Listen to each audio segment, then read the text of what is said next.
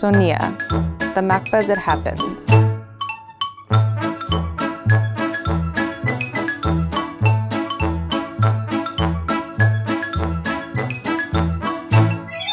In the book Heroes Mass Murder and Suicide, Italian writer and activist Franco Bifo Berardi examines the phenomenon of suicidal mass murders from a standpoint that combines linguistics, psychology, economics, entertainment, and political analysis.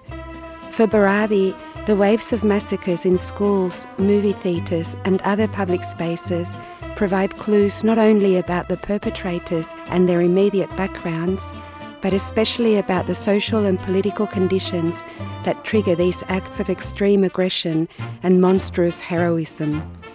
The book deconstructs the killings in order to expose some of the most pressing glitches in the hyper capitalist machine, the many forms of automatism driving the system, a workspace dominated by competition, which Bifo has previously described as fractalized work, a permanent state of fear and psychological war, and the obscenity of self representation in what Adam Curtis called the century of the self. Sonia talks to Bifo about mass killings in relation to cinema, mental health, neuroplasticity, friendship, irony, and ultimately hope.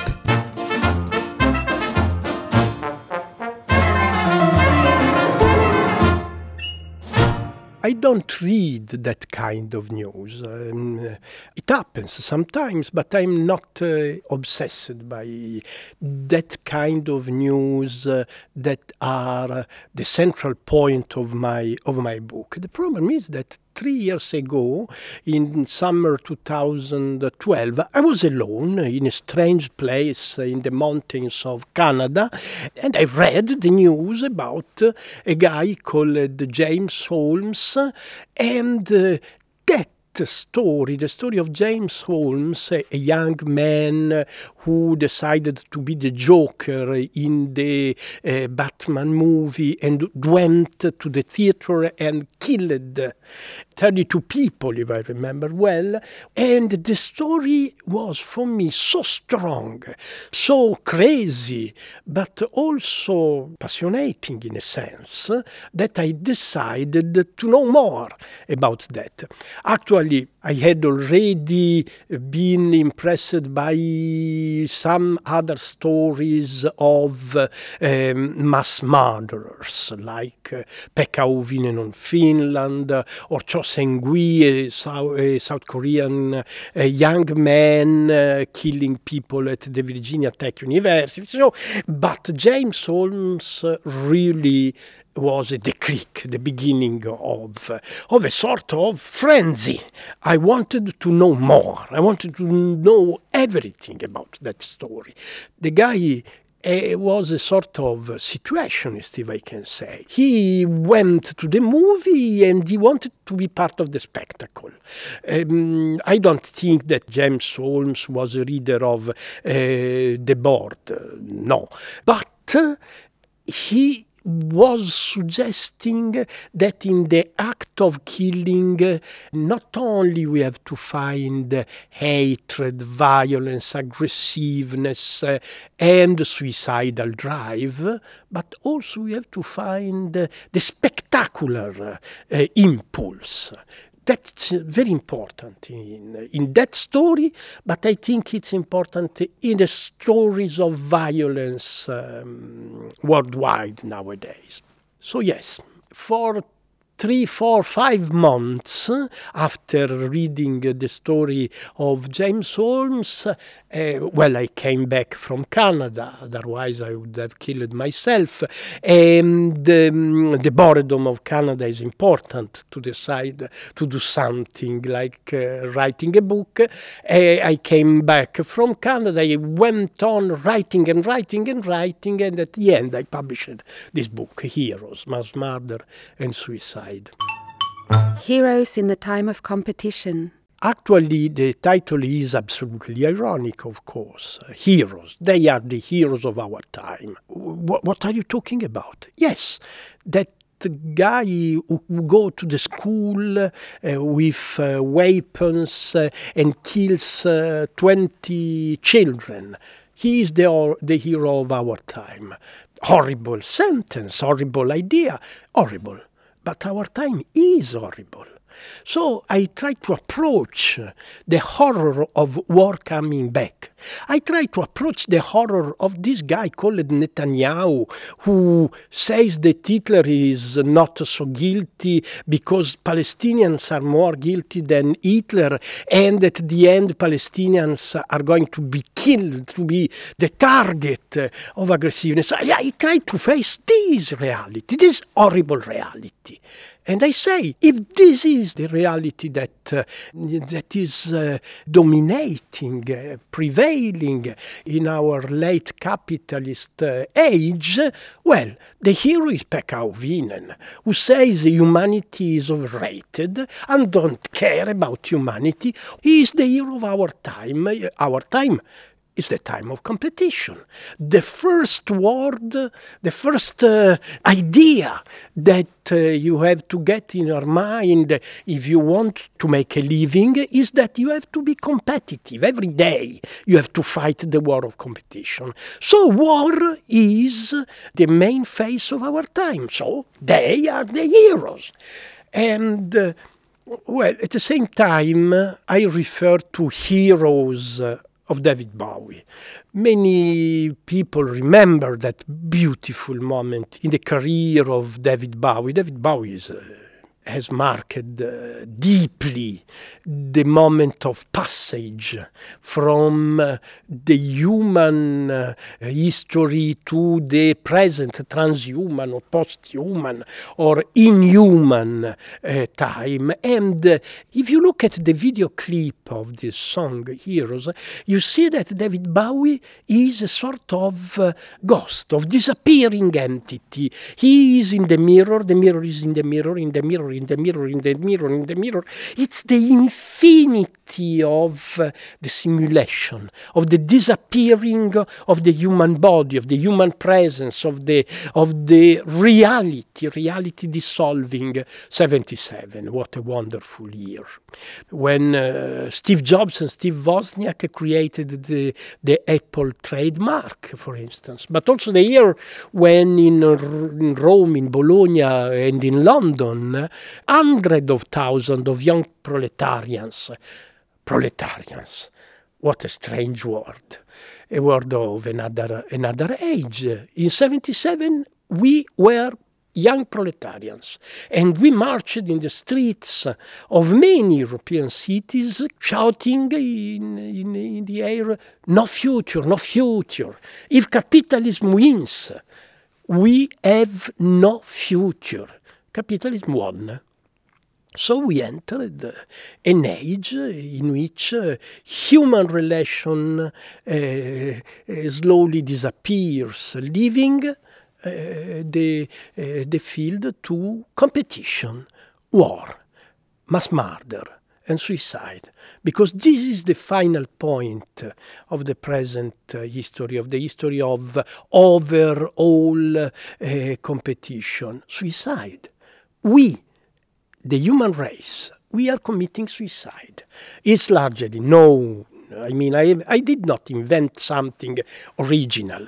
If you look at the prospects concerning uh, the environment, if you look at the Arctic ice uh, dissolution, you understand that we are committing suicide. If you look at the Greek debt or to the, uh, to the Spanish debt or at the Italian debt, you understand that fi financial capitalism is a pathway to suicide. My book is, is about this kind of heroism, the, the heroism of people who have been obliged to disappear as human beings and to reappear as warriors.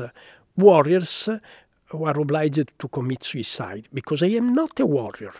If I try to, to go to war, I will be killed or I will kill myself. Irony and autonomy, the only way out. This is a, a, funny book about suicide.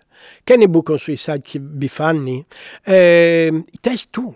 It has to be because we we should be able to face the the despair of our time with a relaxed soul because the only way out is through the ability of being ironic and second to be autonomous.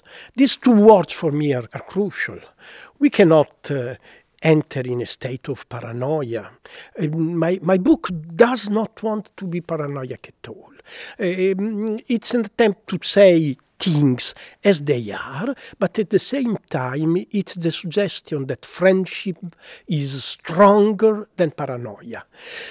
I remember that Deleuze and Guattari, in a book that I love very much, and I consider the most important uh, philosophical book of late modernity, What is Philosophy? In the introduction of this book, they speak about friendship, and they say, there is no meaning in, in life, in history. Uh, meaning is our invention, is our creation, is our uh, attempt to create something. But uh, meaning uh, is useless if it's only for me.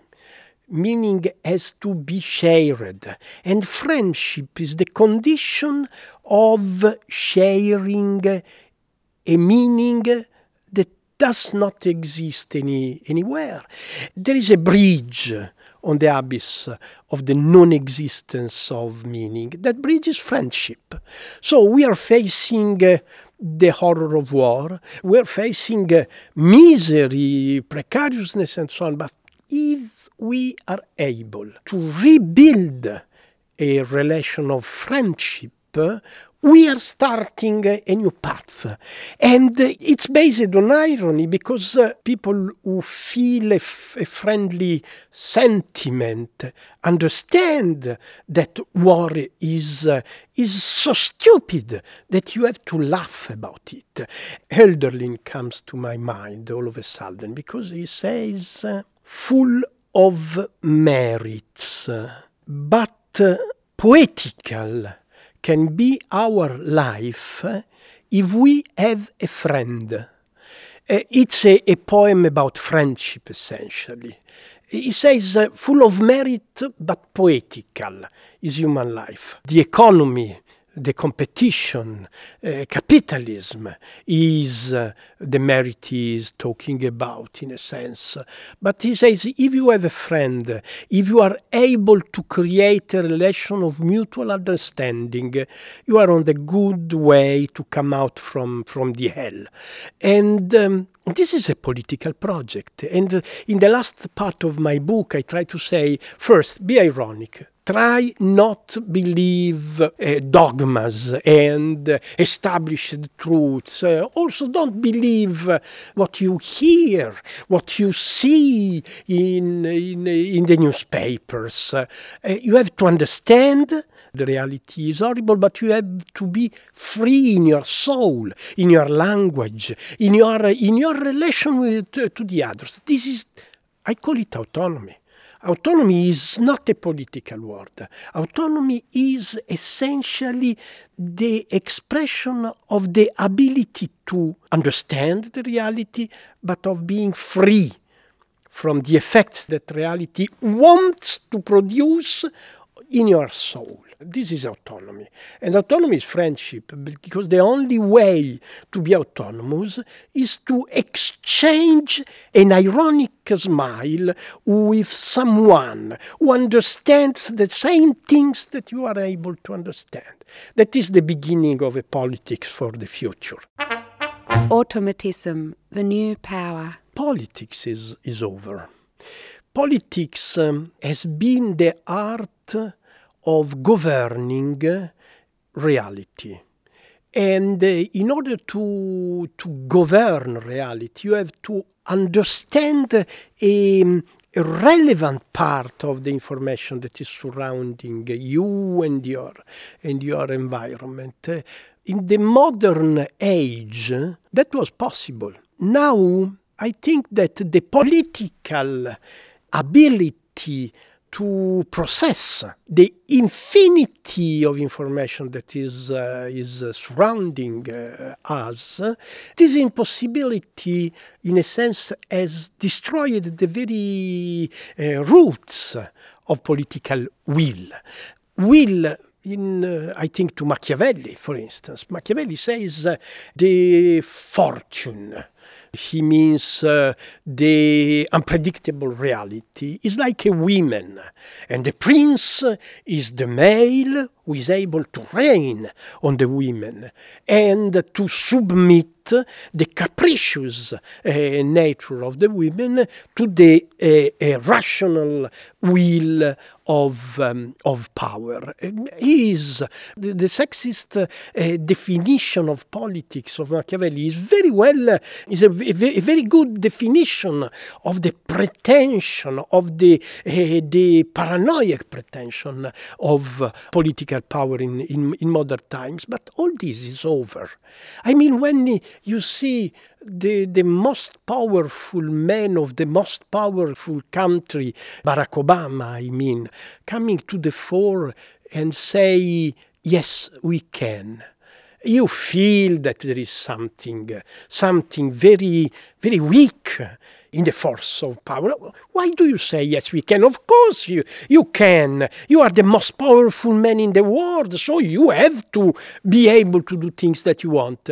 Seven years after uh, the victory of Barack Obama, uh, we have to say that uh, no, we cannot. We can no more. We cannot close Guantanamo. We cannot come out from the war in Iraq. We cannot come out from the war in Afghanistan. We cannot stop the crazy selling of weapons to children and crazy people. We cannot stop the financial aggression against uh, society. I think that Barack Obama is uh, a, a, a fantastic symbol of our time. I I trust him. I, I, really believe that Barack Obama is an intellectual, is a man of intellect. I know he is a neoliberal, maybe, but I don't care. He is a good man. He has tried to do something. But uh, the police is killing a black man in the streets of the United States of America every day. And he can do nothing because the force of the automatisms, of financial automatisms, of psychic automatisms, of rational automatism, all these has become stronger than the force of political power. So, what can we do? Politics is no more the way for our uh, liberation from, from evil, from exploitation, from war. That way has to be found in another, in another space, which is not the space of domination, which is not the space of power. It's much more the space of withdrawal. Withdrawal, the ability to say, okay, I don't want will is no more my my cup of tea. It's not will it's desire my. And the desire is is putting me in relation with those who are like me. And what we can do is withdraw from the space of war.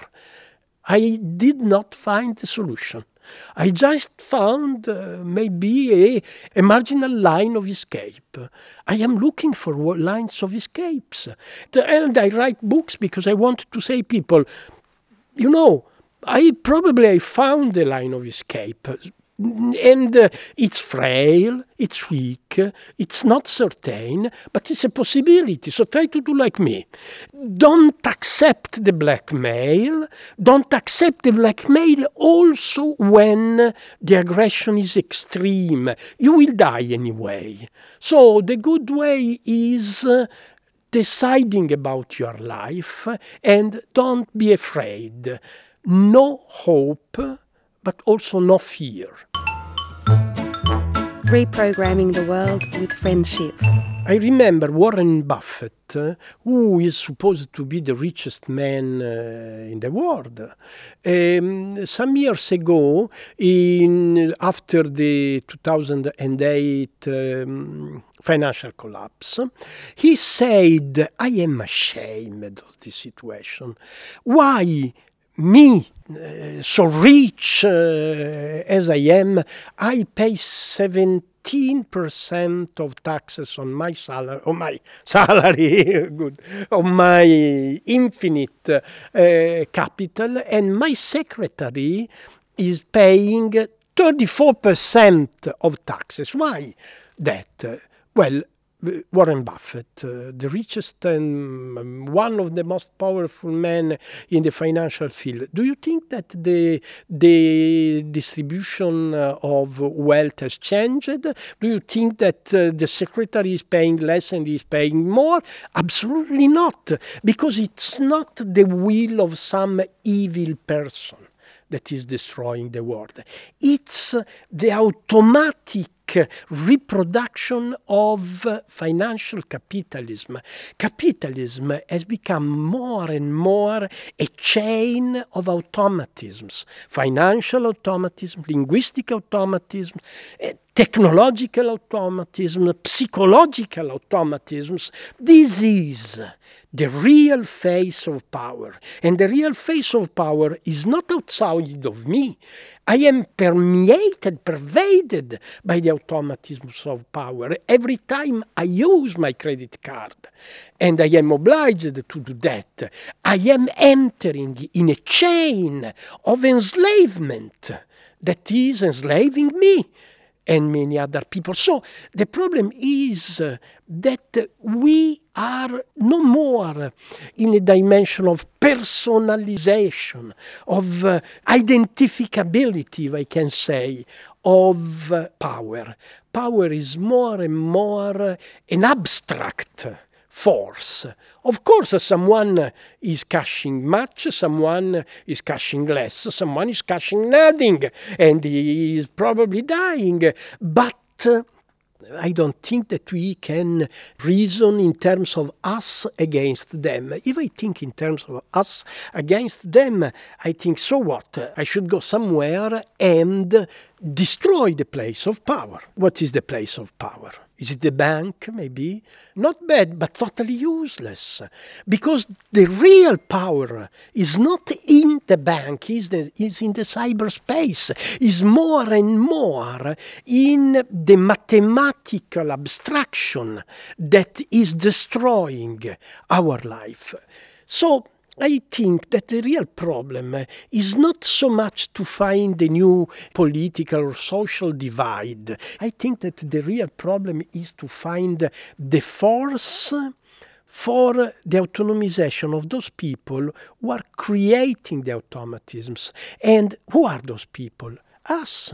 Me, you, probably not me and not you because we are not so skilled in programming uh, codes, but uh, it's the cognitive labor that is obliged to produce and concatenate the chain that is enslaving us cognitive work, cognitive labor, the cognitive precarious laborers, they are the force of financial capitalism and they are the slaves of financial capitalism.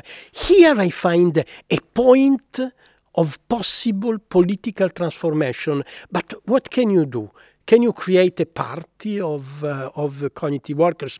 I don't see it uh, realistic. I think it's, uh, it's out of the scene, the creation of a party. Friendship is the answer.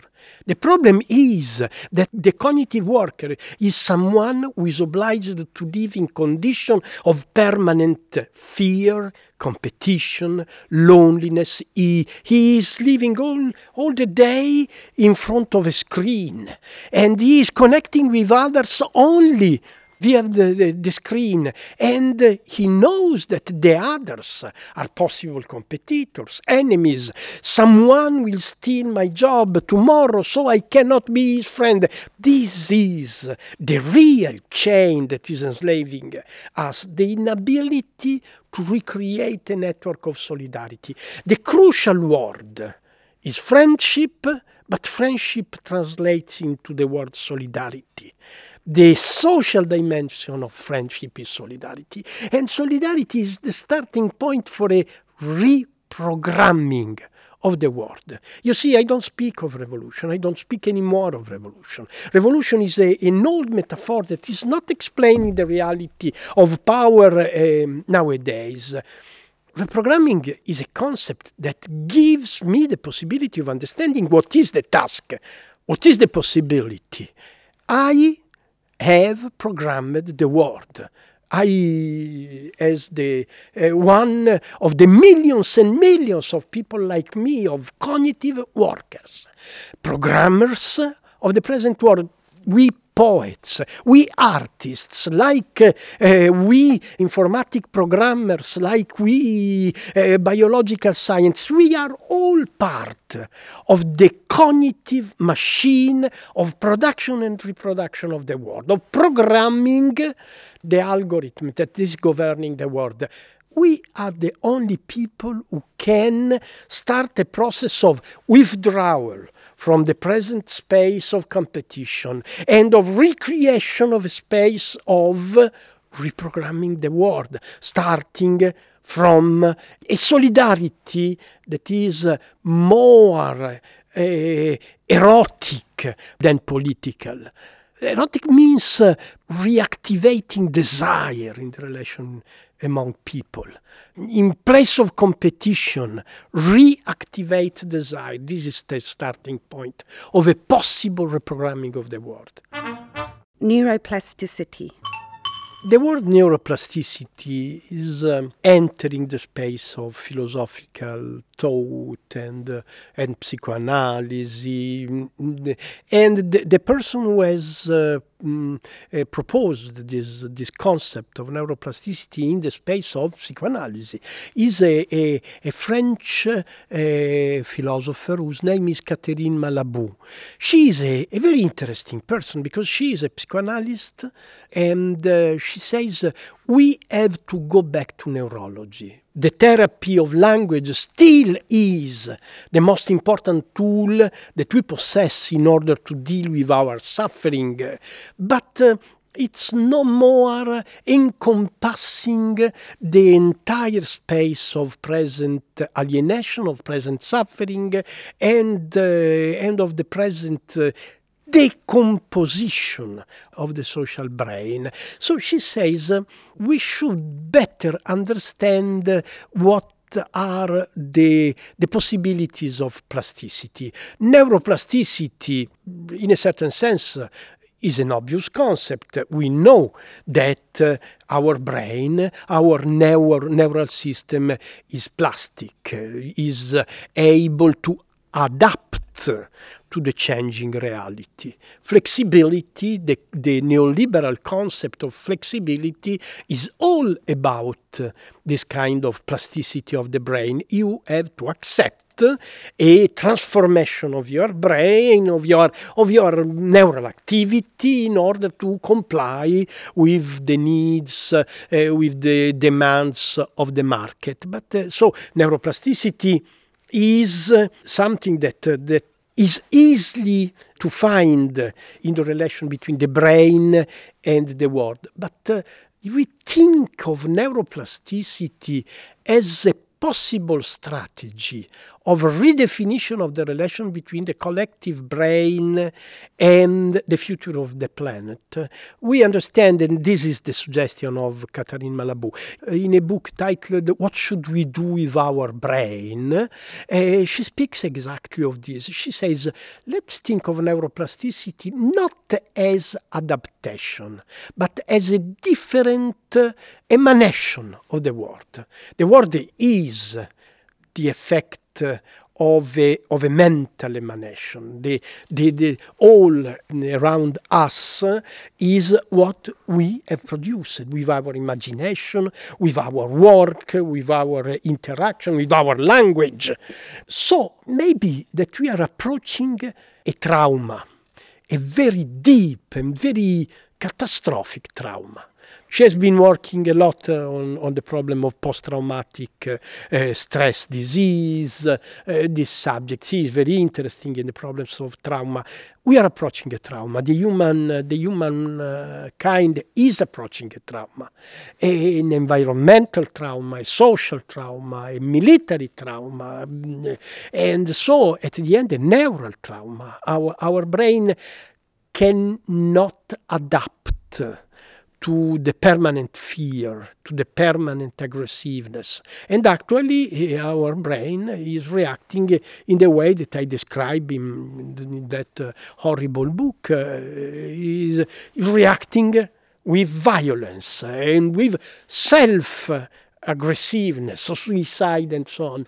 But Catherine Malabou says we should investigate the possible evolution of the neural system beyond that kind of uh, automatic reflex, uh, automatic uh, reactions that uh, 500 years of, of capitalist greed, of capitalist obsession has produced in, in our brain. We are approaching a moment of breakdown.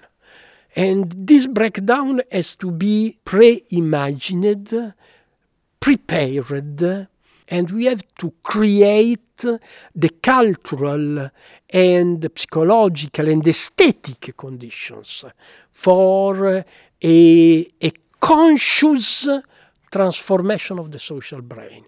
Consciousness and brain evolution. This is a, a totally new subject of, of reflection. We are accustomed to think that evolution, and particularly brain evolution, is a process that that uh, determines probably consciousness, but is not uh, depending uh, on the conscious activity. Now we have to change our mind on this point. And Malabou is doing exactly this. She says probably we have to think in, in a conscious way about what is happening to our brain. At the very end, Sigmund Freud has tried to do this. Sigmund Freud is the first person who says we should be able to change, to elaborate, to transform the activity of our mind in a conscious way. We have to start from the unconscious in order to linguistically elaborate the unconscious dimension. Malabou takes a step further because she, she, says not only our mind, but our brain itself is changing. And we have to be able to work with words and with concept and with, uh, and with actions and with something that I do not know. I would say with, with poetry at the very end.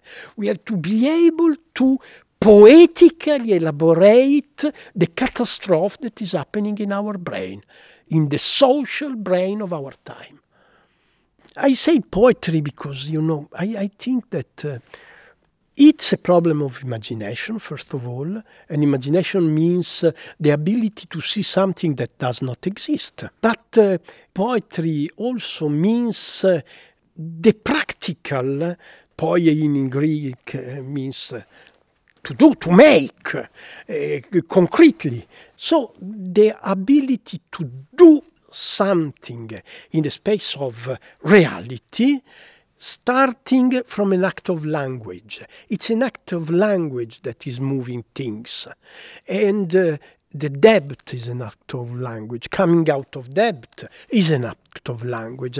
War is an act of language. Coming out of war is an act of language. But you know, doing this at the individual level is difficult but possible. We do not know yet at the moment how the human race can collectively pronounce an act of language that gives us the, the possibility of coming out from the suicidal drive of financial capitalism. Cinema, an imagination device. Cinema has the ability to be at the same time, sometimes, not, not always, of course, a pop cultural act and an act of deep reflection of what is happening to us. If I think of some also of some blockbusters, of some uh, popular uh, movies, like uh, I quote uh, just one because uh, it's uh, it's it's telling volumes. Um, Hunger Games. Think to Hunger Games. It's the third movie in the history of cinema in terms of economic um, uh, revenue, of uh, profits. It's absolutely not uh, a political movie. I mean, the the authors, uh, mm, uh, Susan Collins, the the the, the novelist who wrote the the, the book, and uh, I don't even remember the name of the director. They are totally indifferent to the political effect of their movie, but I think that the movie is an extraordinary act of self-perception of the precarious age. Precarity and spectacle, violence and uh, competition. Uh, all this is uh, concentrated in, in that movie and uh, I don't think that people who go, young people, go to see that movie are really understanding, uh, going beyond uh, young people, particularly young people. I've, been talking with lots of, of students about that, and I have tried to understand how young people have reacted to that movie that is talking about them, and they sort of um, are sort of paralyzed in front of that movie. They say, well, this is life. Life is war. We have to accept this frightening uh, reality. We are pushed into the arena, the theater of a war of everybody against everybody. A sort of uh, a cynical um, surrender is the effect of that, uh, that movie. But you know, I did not enjoy that movie. I, I found that movie uh, extraordinary for, for the force of explanation of our time. And uh, I, I think that cinema cinema has the ability to to paralyze people, but also to to make possible an act of liberation from the imagination itself that we are obliged to uh, to witness, to to undergo. Um, this is why I speak um, often. I speak of of movies, particularly not not so much of uh, novels or poems, um, novels and poems uh, and art uh, is important for uh, for the creation of the conditions of uh, the popular the popular art that cinema is. Vladimir Mayakovsky said that there is a poetry for poets and poetry for people who read poetry.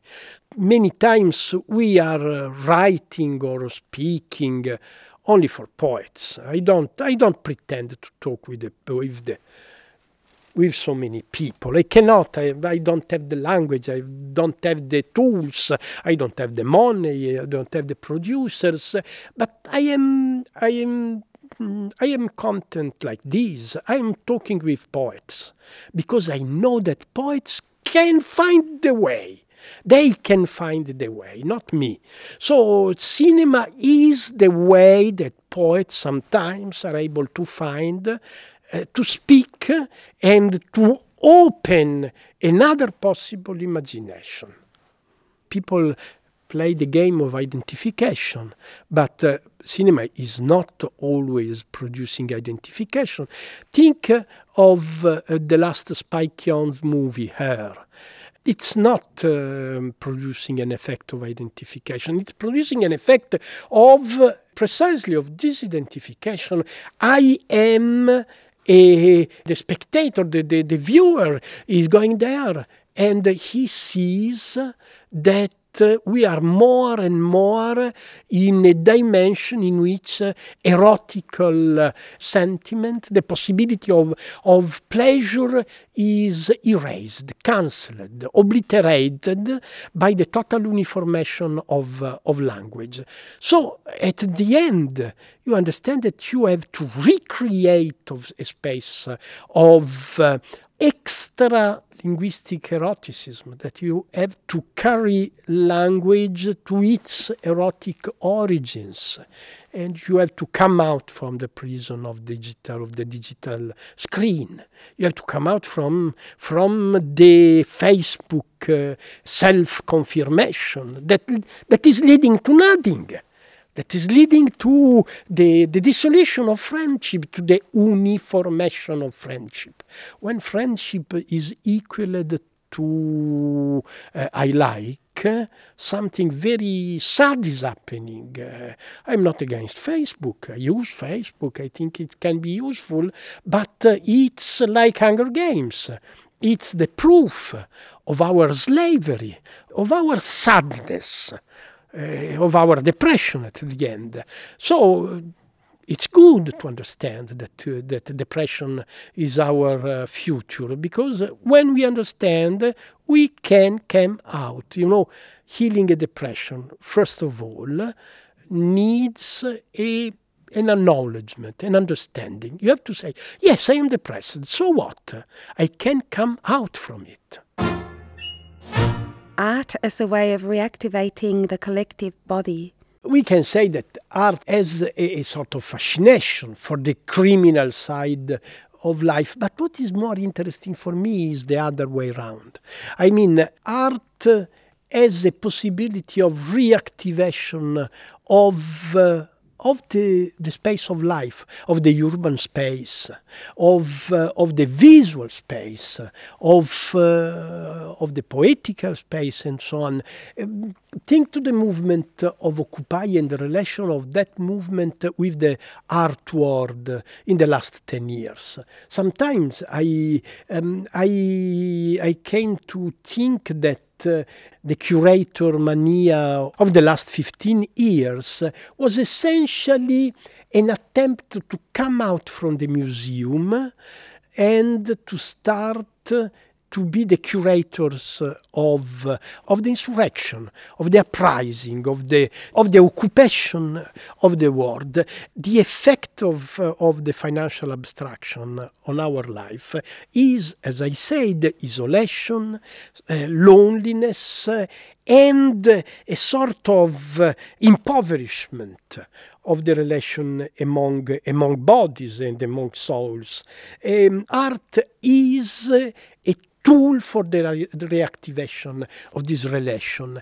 And uh, in a certain sense, uh, the Occupy movement has been a, an art uh, act.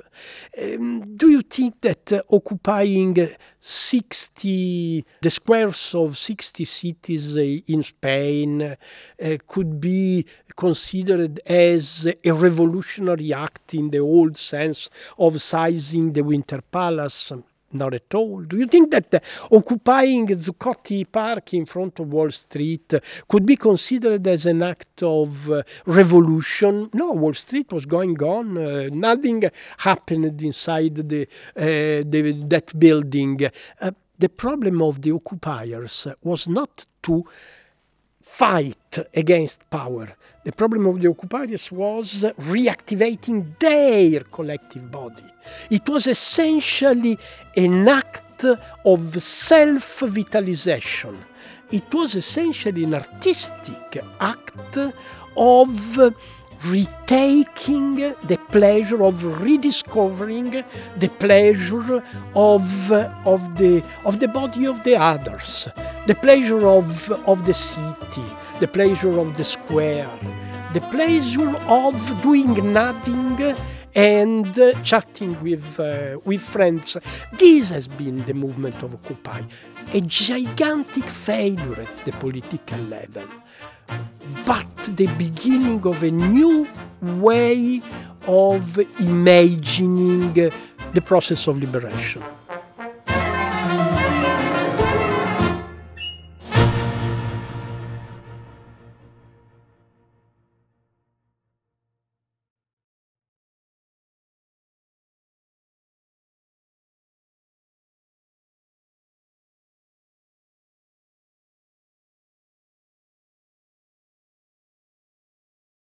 Why did I write such a horrible book? I asked myself all of a sudden, after frantically writing most of these pages.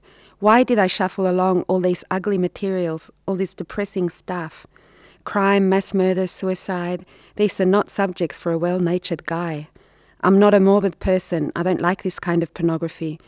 Nevertheless, at the end of summer 2012, I started writing this text almost in a state of rapture, half consciously, dragged in by a sort of excitement and curiosity, and mainly driven by the perception that here, in these dark subjects, crime and suicide and self annihilation, there is something peculiar to the spirit of our time.